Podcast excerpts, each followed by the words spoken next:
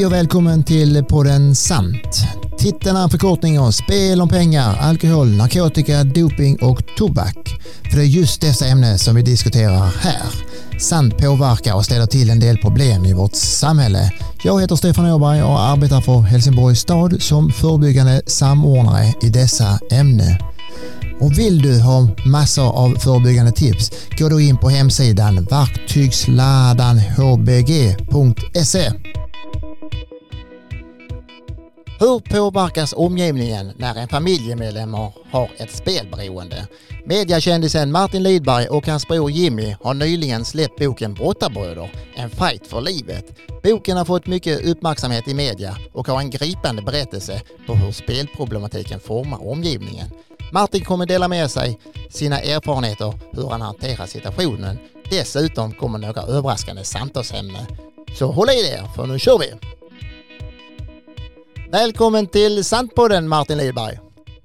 Stort tack Stefan. Det är ju inte varje dag jag pratar med en världsmästare i brottning och en som har vunnit både tv-underhållningsprogrammet Let's Dance och Superstar och dessutom har släppt en bok. Ja, den kombinationen är väl eh, kanske inte så vanlig. Nej. Eh, både, både du och jag är, är ju för detta brottare och till och med möts för många år sedan. Jag kan säga dig ja. du kommer ihåg det? Ja, ja, mycket väl. Det var ingen rolig upplevelse. Det är som jag eh, hann väl räkna varenda takkrona där i Helsingborg tror jag. Men eh, jag kommer ihåg, du var ju specialist på ett speciellt grepp. Alltså. Det var bara hem och nöta försvar mot det greppet. Alltså. Jag tror aldrig mer jag åkte på ett omvänt livtag efter den förlusten mot dig, Stefan. Och jag var glad att jag fick möta dig där. Efter det här så var din formkurva pekade ju rakt upp ju. Och därefter fick ju dina motståndare känna på vad smärta innebär och de ser ut som trasdockor i dina händer så jag var glad att möta dig i rätt tillfälle. Eh. ja, det hände något där efter, efter den matchen. det kanske jag som har startskottet till att det skulle hända något rejält. Ja, det, man lär sig mer av eh, en förlust än av tusen vinster brukar man säga. Så att, eh, det, det hände nog någonting där. Kunde du känna när du var aktiv att dina motståndare helst ville slippa möta dig? Ja, det kunde jag göra. Framförallt här i Sverige. Jag var ju ganska överlägsen här i Sverige, så jag hade svårt att hitta motstånd när jag kom upp och blev senior och, och så. så att, och inte minst att träna med. Mm. Jag hade ofta problem med sparring och på träningarna så jag försökte ligga så nära mitt max som möjligt även på träningarna. Jag brukar säga att varje pass ska bli som, ett, som en VM-final. Alltså, så att det, det gjorde ont ibland att, att mötas såklart och det var svårt att hitta sparring framförallt. Nej, för jag kommer ihåg eh, när eh, du mötte vissa, man såg ju de darrar nästan om nästan vi lämnade VO för att möta dig. Jag ska säga det var tur kanske att vi bytte viktklasser sen att eh, du sprang förbi mig i vikten? Nej, men det är ju sådär. Brottning är ju sport. Man behöver bra sparring och, och, och mm. bra matcher. Så därför vände jag mig mycket utomlands också. Började mm. träna och åka mycket utomlands. Och så tog jag hem sparring från, från många av de bästa brottningsnationerna för att få bra sparring. Jag tänkte på under 90-talet och början av 2000-talet var du med i ett antal EM och VM och, och inte mindre än tre OS. Kan du sakna den känslan eller kicken eh, idag? Att kliva upp på dessa arenor? Jo, men det kan jag göra, absolut. Det är, det är svårt att, att, få de där kickarna i, i sitt yrkesliv på samma sätt som när man har haft en målsättning i så många år och man når många av sina mål och man strävar mot dem. Så det kan jag absolut känna att jag saknar de där kickarna. Men, men vägen dit, den saknar jag inte lika mycket.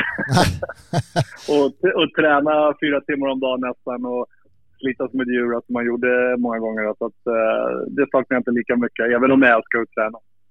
Jag vet eh, att du var i Helsingborg för en tid sedan och invigde eh, då ett utegym och höll ett väldigt uppskattad föreläsning. Det är ett antal människor som har sagt det till mig. Jag var själv inte där. Vad har du annars för relation till eh, Sundets Parla Helsingborg?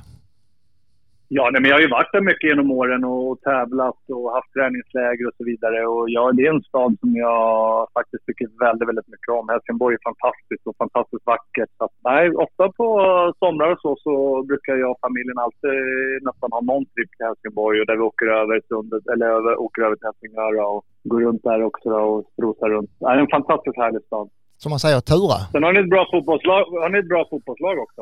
Kanske inte lika bra just nu då. Nej, det är lite, lite utförsbacke för tillfället men eh, ja, det kommer nya tider. Vi har ju några gemensamma brottarvänner och även en annan person utanför den här sfären. Eh, och jag pratar faktiskt med en person som har gett mig många träningstips för ett tag sedan. Ja. Och eh, jag spelade faktiskt in, ja, okay. spelade in detta så jag tänkte att du skulle få lyssna på detta här.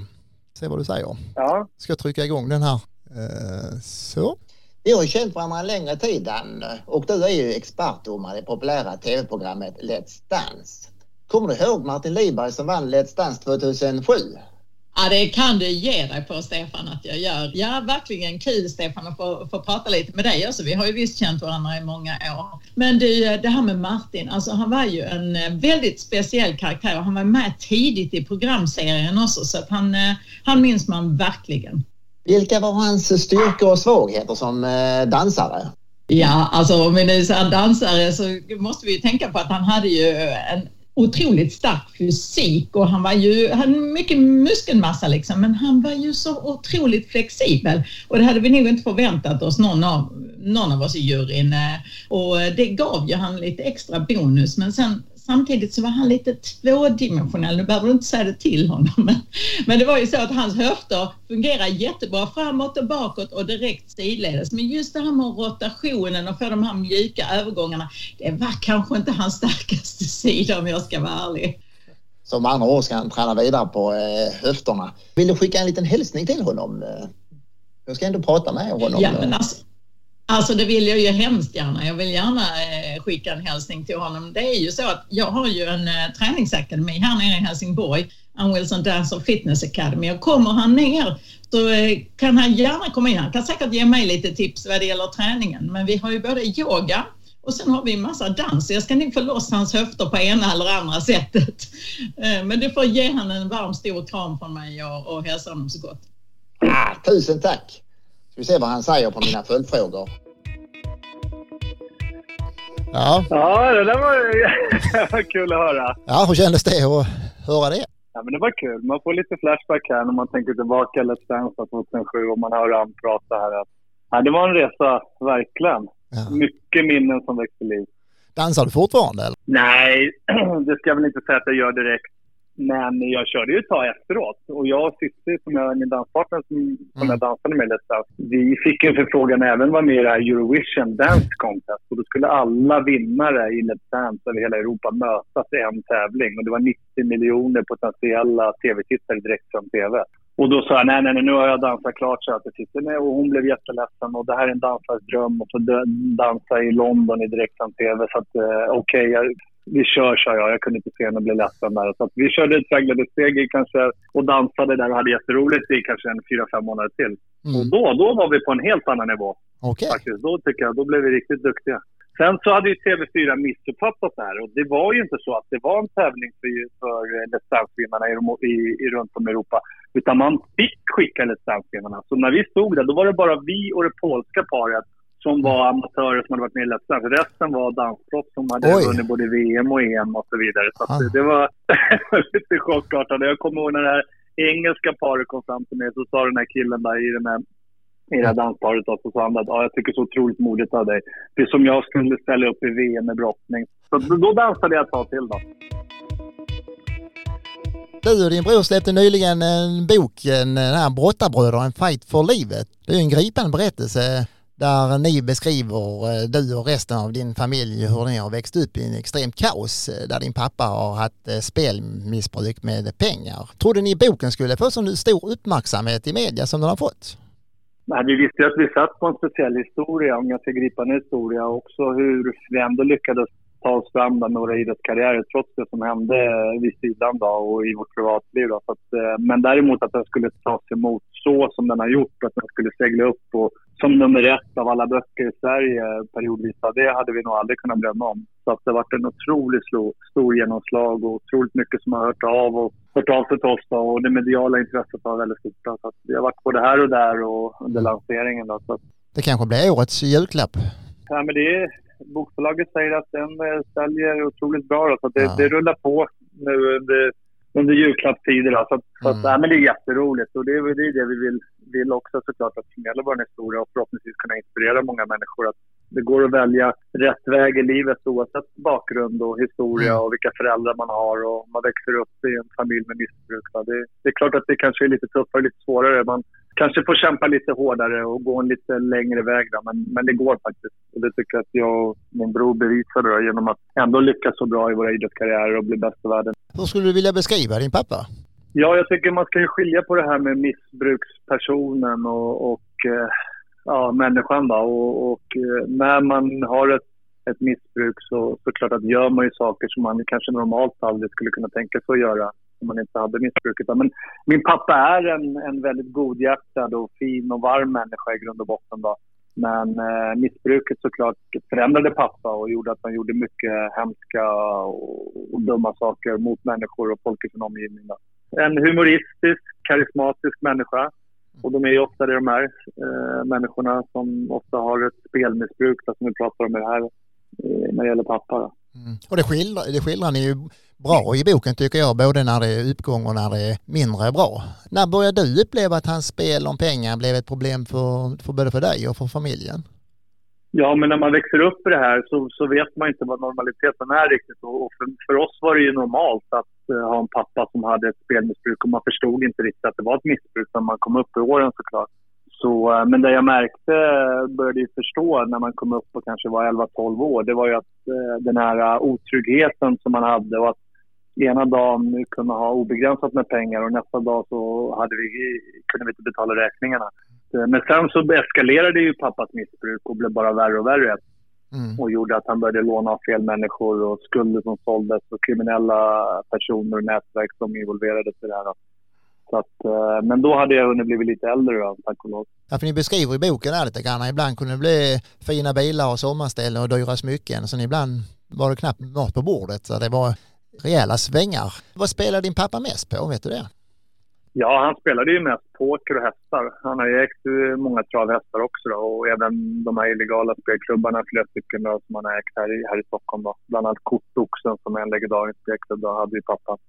Så att, men framförallt så var det ju kort och, och hästar, men eh, även roulette. Och det är ju så med de här människorna, de får ju kickar, de får dopaminkickar av att spela och ju större insatser desto större blir kickarna och, och han kunde ju till slut spela om vad som helst. Han kunde vända kort spela om 200 eh, 000 om vem som fick det högsta kortet. Så vänder man kort och så vidare. Så att, eh, enorma summor där eh, kickarna för de här killarna, oftast grabbar som det är, eller män, mm. är enorma.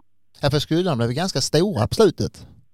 Ja, skulderna växte ju och folk, han lånade ju pengar till ockerräntor så att han till slut hinner man inte ens betala av räntorna utan man lånar av människor för att betala tillbaka räntor till andra människor man, man är skyldig. Och det här blir ju en karusell som, som inte går, som går överstyr till slut. Mm. Precis som det blev för pappa och där jag involverades så blev vi ju medberoende då, som det står i boken då, där man satt och förhandlade med allt från kriminella personer till konsthandlare mm. där man försökte få loss pengar och så vidare. Min, min pappa är också konsthandlare och det är på så sätt också han har kunnat finansiera mycket av sitt spel då, utöver mm. spelklubbar det som han har drivit. Det var ju både dödshot och du fick vara någon slags medlare. Så det var ganska dramatiska scener som ni beskriver. Ja, det är ju så. En, en människa som kanske lånar ut sin livsbesparing och säljer den skulden vidare till ett kriminellt nätverk eller kriminella personer. Så det är klart att de vill ha tillbaka sina pengar och det är ofta dödshot. Och, vilket det blev för pappa också då. Och eh, folk började ringa oss och han bytte telefonnummer hela tiden. Och vi involverade också advokater som skulle försöka göra skuldsanering med många av de här människorna. Så vi fick låna pengar från vissa människor för att kunna betala av till andra. Mm. Vi hade ju också funderingar på att ta pappa utomlands och byta namn och byta identitet och så vidare. Men vi, vi kämpade på och sen vid sidan av det här så hade vi vår brottningskarriär och försökte bli bäst i världen. Mm. Det var väl inte alltid så lätt när man tänker tillbaka på det här. Och jag tänker på även på det som ni beskriver så fint i boken här att din mamma Vanja då, hon verkar vara en riktig stålkvinna.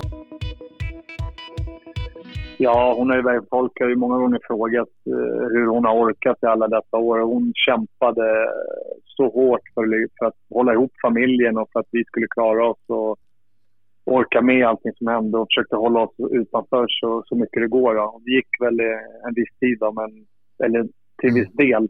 Men sen när vi blir äldre och börjar förstå mer och mer så är det klart att man dras in ändå i det här såklart. I den här uh, karusellen då.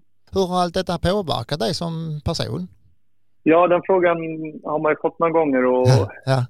det är inte så lätt att, att, svara på den. Men jag tror att den har format mig och min bror väldigt, väldigt mycket. Och jag tror också att den kan ha varit en bidragande orsak till att vi också klarade av den pressen som var på brottarmattan och omgivningen och för oss själva och så vidare. Att vi var van, vi växte upp med en viss otrygghet i vår familj och så vidare, med en osäkerhet och det formade oss. Och när vi stod där på brottarmattan så kände vi oss ändå starka.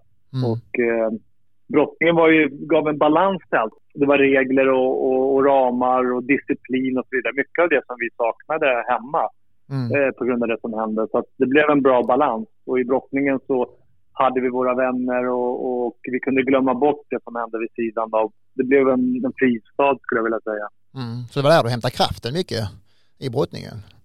Ja, det var, ibland kändes det som att man gick med en stor eh, tung ryggsäck till träningen och sen när man åkte därifrån då hade man tömt hela ryggsäcken och man nästan flög fram. Så att, eh, den gav oss kraft och den fick oss att bygga självförtroende och känna oss starka. Och, och vi brukar ju säga det att vi, vi har ju den här beroendegenen i oss som våra släktingar haft. Vi har ju en farfar som var alkoholist och en eh, farbror som var narkoman som dog när han var 29 år och hittade i Gamla stan. Då.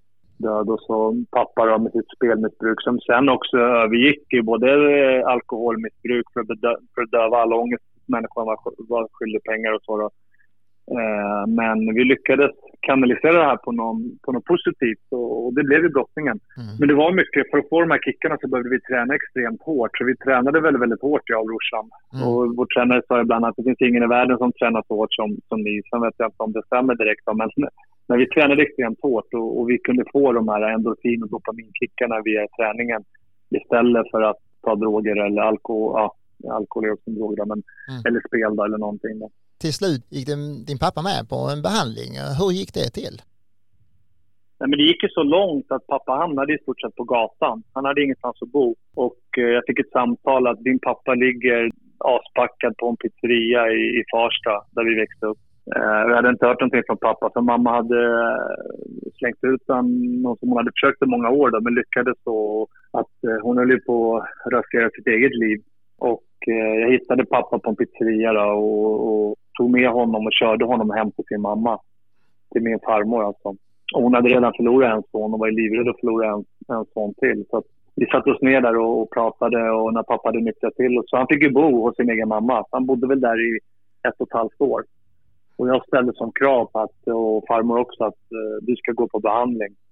Och sen är det så med missbruk. Det sista de, det käraste de har, det är, det är det de missbrukar ofta. Och det var ju spelet för pappa. Och de vägrar att inse att de har ett fel eller erkänna att de har ett missbruk.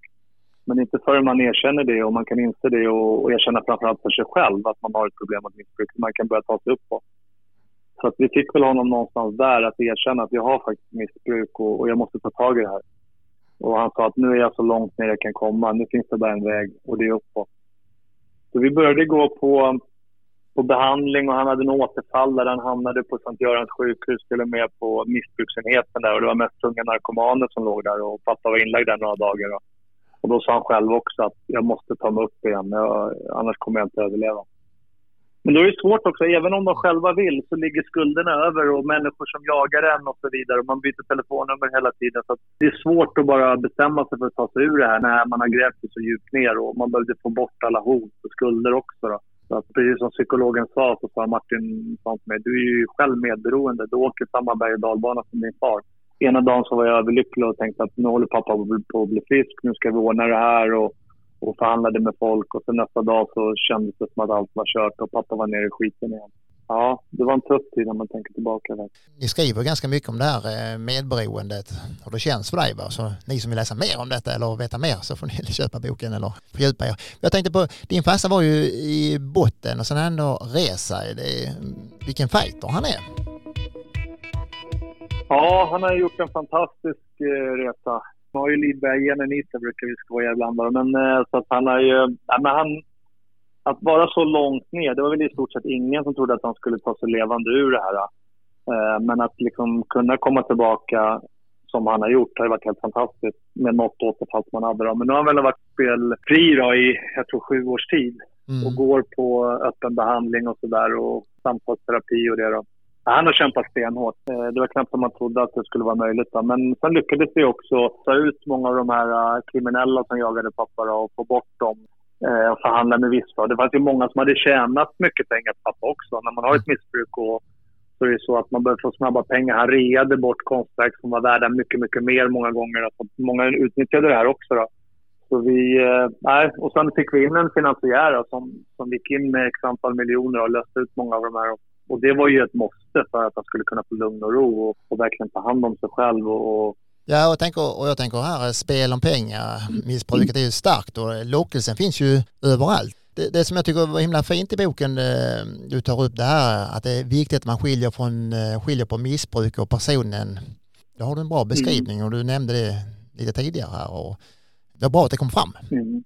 Jo men absolut. Och det, nej, nej men precis som du säger Stefan, det är, det är klart att man inte kan acceptera att människor gör dumma saker eller kriminella saker eller gör fel bara för att man har ett missbruk och skylla på det såklart. Men jag känner min pappa såklart i grund och botten och i alla år. Det är en fantastiskt varm människa som vill alla väl och har otrolig empati och så vidare. Men i sitt missbruk så var han beredd att göra nästan vad som helst. Och där många människor kom med hans skottlinjer och många människor som han gjorde illa man behöver skilja på det här. Så att, men självklart så behöver de en någon form av behandling. Och precis som den här psykologen sa till mig när vi har gått på behandling och så sa han att många gånger så kan de ha en depression som ligger och gror där i grund och botten. Då, så att man behöver ofta behandla den. Mm. Och när de spelar så får de de här kickarna och man tränger undan lite kortsiktigt den här uh, depressionen eller oro och ångest som de har att gå runt med. Men man måste behandla kärnan i det hela för att kunna bli frisk. Och jag hade tidigare ett avsnitt med professorn Anders Håkansson tog han upp de här sakerna, riskfaktorer. Det var att man mår psykiskt dåligt och andra beroende och kan vara ekonomiska problem. Och han nämnde också det här att 1,3 procent av svenska folket har problemspelande med pengar i Sverige. Det är ganska mycket faktiskt tycker jag. Mm. Ja, idag är det ju så lättillgängligt också. Förr mm. när min pappa började spela såklart, då var det ju på deras spelklubbar och man träffades och man såg varandra i ögonen och spelade och umgicks också på ett helt annat sätt. Men idag så är det ju bara att logga in på datan eller på telefonen. Mm. Så det är ju så otroligt lättillgängligt på ett annat sätt idag. Då. Så det är väl fler som drabbas kan jag tänka mig. Ja, och även det här med eh, spelbolagen. De kör ju olika strategier för att locka in eh, människorna i spelandet och det är lätt det kan gå, gå överstyr ju. Absolut, absolut. Du har helt rätt. Det är dubbelmoral. Man, ja. man såklart driver en verksamhet där man tjänar pengar på det här och så ska det se bra ut att man också jobbar med behandling och så vidare. Så att eh, det blir lite surrealistiskt. Både du och din bror har varit inne på detta innan när ni jagade lite kickar eller dopamin och belöningssystemet inom idrotten. Tror, ni, tror du din pappa var samma där, att också jagandet med det här belöningssystemet? Ja, men det är det, det, är det de får kickarna av, spelmissbrukare och olika missbruk. Det är belöningssystem. Det är de kickarna, så det är inte själva pengarna. Mm. Det var ju, man tyckte, jag kommer ihåg någon gång, jag var inte så gammal, jag kanske var 11-12 år, och så hade jag räknat ut där ungefär hur mycket pappa spelade för ett år. Då sa jag, men pappa, tänk om du sparade de här pengarna istället och inte spelade för dem, sa jag. Då skulle det ju bli som en jättevinst, flera miljoner som du vann. Och då tittade han på mig så här, och så kollade han länge och sa nej men så kan man inte tänka. Och det, så det, det, är, det är de här kickarna, de, de, och ju mer de tjänar, eller vinner, om de nu vinner, så blir ju bara insatsen större. Jag har ju vunnit miljonvinster många gånger, men eh, då höjs insatserna bara. Och sen är pengarna ganska snabbt borta. Har du några bra tips till de som söker kickar eh, som är lite mer hälsosamma?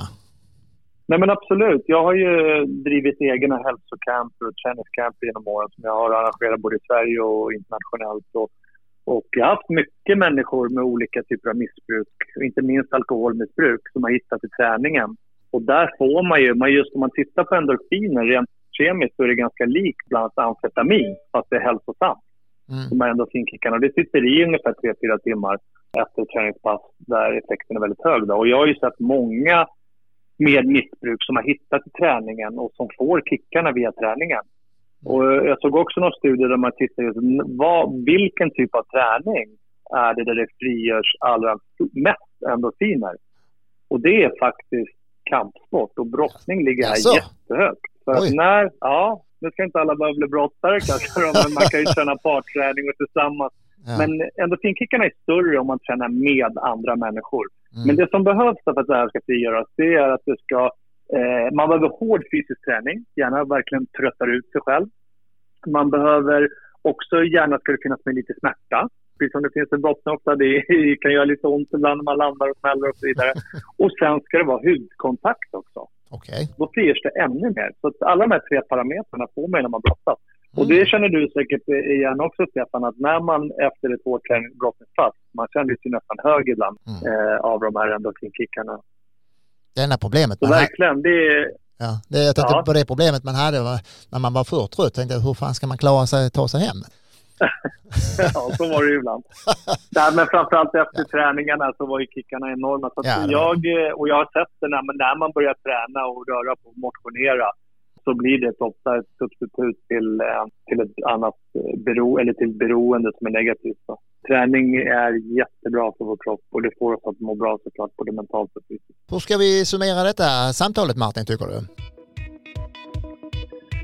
Ja, nej, men jag tycker det har varit ett, ett bra samtal och fått berätta lite om eh, våra erfarenheter kring det här med, med missbruk och så vidare. Och jag tycker också att man som anhörig, vill jag bara säga också, att man faktiskt ställer krav på den som är sjuk. Den, de är ofta otroligt duktiga på att manipulera människor och ljuga och hitta på saker. Och det är lätt att man blir förd bakom ljuset och blir lurad själv. Utan man måste vara stenhård och våga stå på sig och verkligen kräva att den här människan går på en behandling och eh, framförallt börja med att erkänna att man har ett problem. Där måste man ju börja.